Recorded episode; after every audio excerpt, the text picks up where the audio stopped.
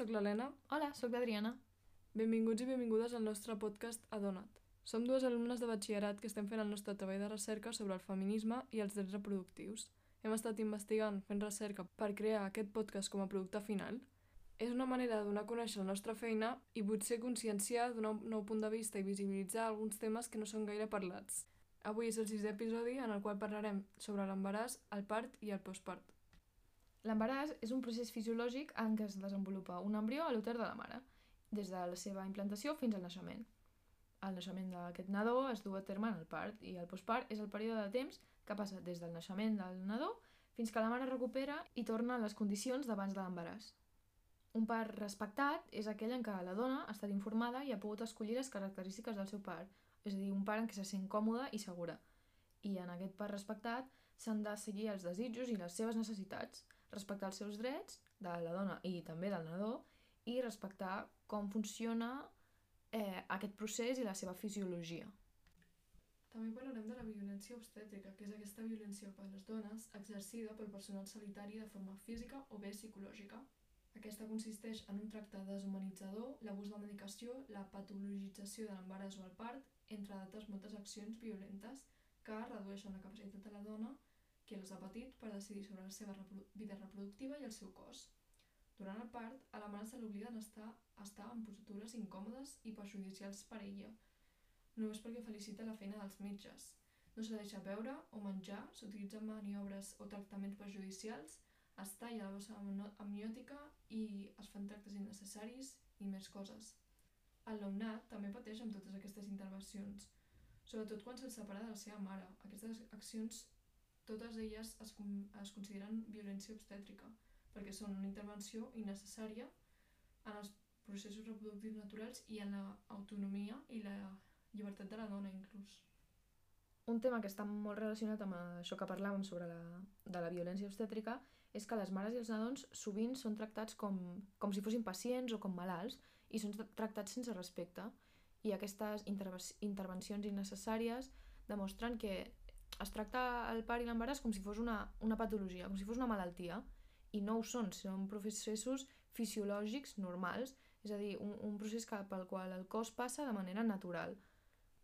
Un exemple d'això és que la gran majoria de dones pareixen hospitals i són ateses per metges en comptes d'aparir a casa seva acompanyades de llevadores i familiars, que era com es feia tradicionalment.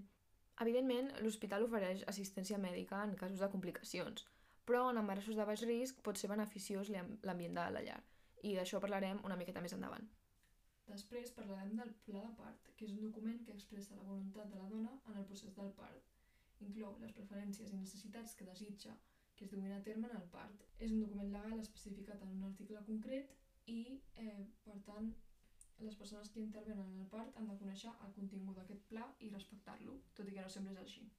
De fet, en les enquestes que vam realitzar vam veure que hi havia un gran percentatge que deia que no havia tingut un pla de part respectat i hi havia altres opinions, però ens va sorprendre que hi hagués un percentatge així. A més, es pot redactar o seguir els models que proporcionen els sistemes de salut del país i es pot canviar en qualsevol moment. Aquest model de pla inclou diverses consideracions, les quals són l'acompanyament, l'espai físic on es vol parir, la postura o mobilitat, el tractament de dolor, el contacte amb el nadó, lletament i altres. I com deia, hi ha pla de pas no respectats, però el personal sanitari no pot rebutjar-lo i fer allò que no és desitjat per la mare, realment. Però hi ha casos en què s'ha donat, com ja hem dit.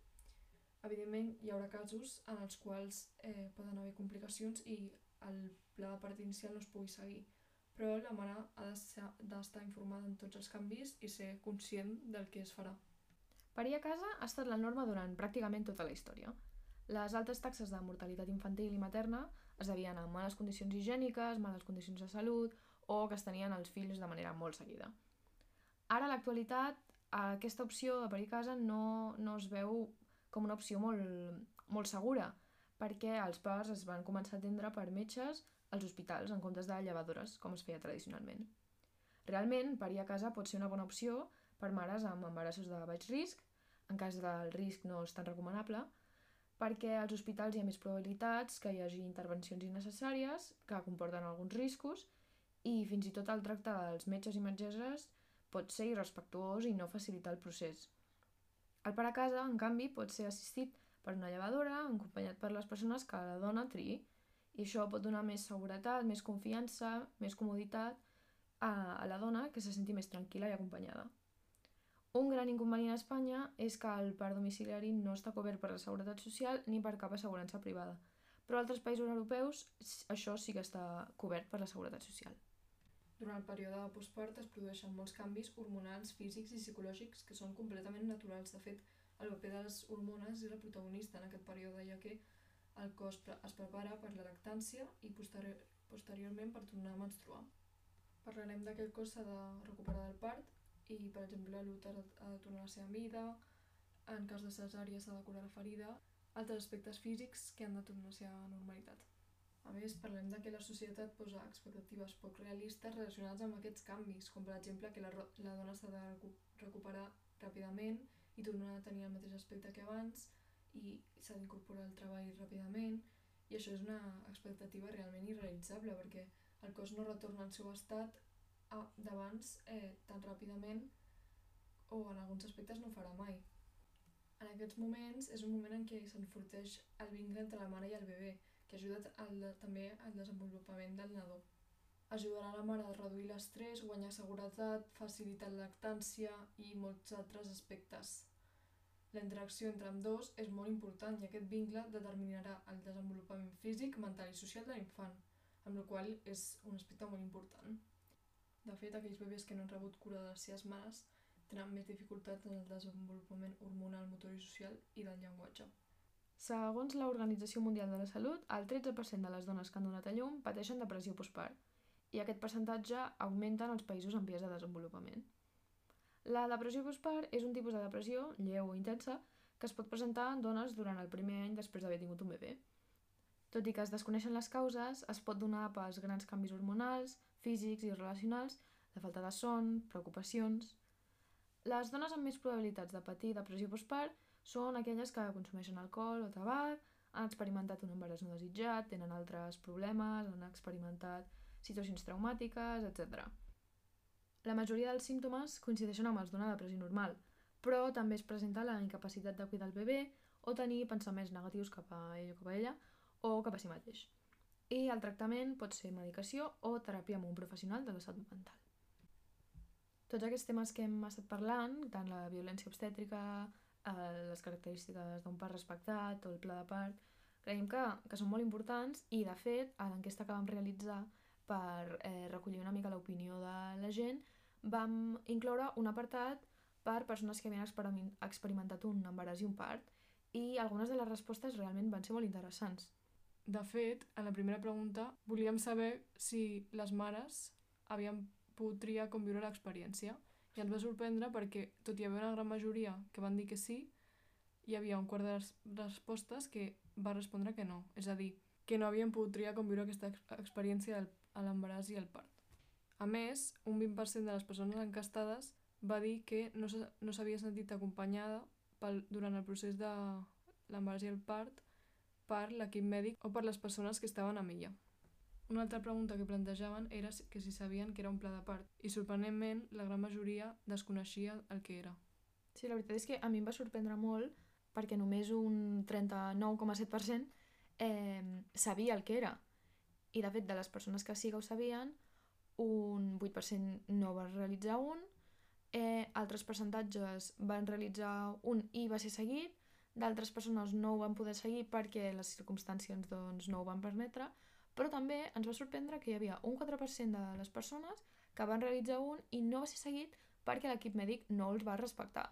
I, I jo realment trobo que aquesta és una xifra, tot i ser que sembla que és un percentatge molt petit, al final són unes quantes persones. Sí, de fet, eh, això seria un clar exemple de violència obstètrica, és a dir, el fet de que l'equip mèdic no proporcioni els seus serveis cap a les mares i trobo que és una situació que s'hauria de canviar.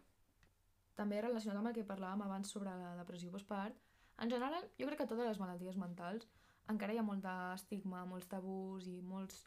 Eh, com que no es pot parlar d'aquests temes, però especialment amb la depressió postpart jo crec que és un, un problema que moltes més dones de les que es pensa pateixen i, i està, està com pràcticament mal vist i aquestes dones acaben sentint com culpables o, o malament o, o acaben normalitzant això pensant que doncs, és normal sentir-se tan malament i realment no. A més, parlem de que és una malaltia la qual és molt comú entre, entre les mares. No per això aquestes mares han de creure que són males mares o han de Mm -hmm. culpabilitzar-se, perquè és una malaltia com qualsevol altra, i és a dir, s'hauria de poder demanar ajuda sense cap problema per superar-ho. Bé, doncs aquí acaba aquest episodi. Esperem que us hagi agradat, que hagueu après alguna cosa i ens veiem al següent episodi.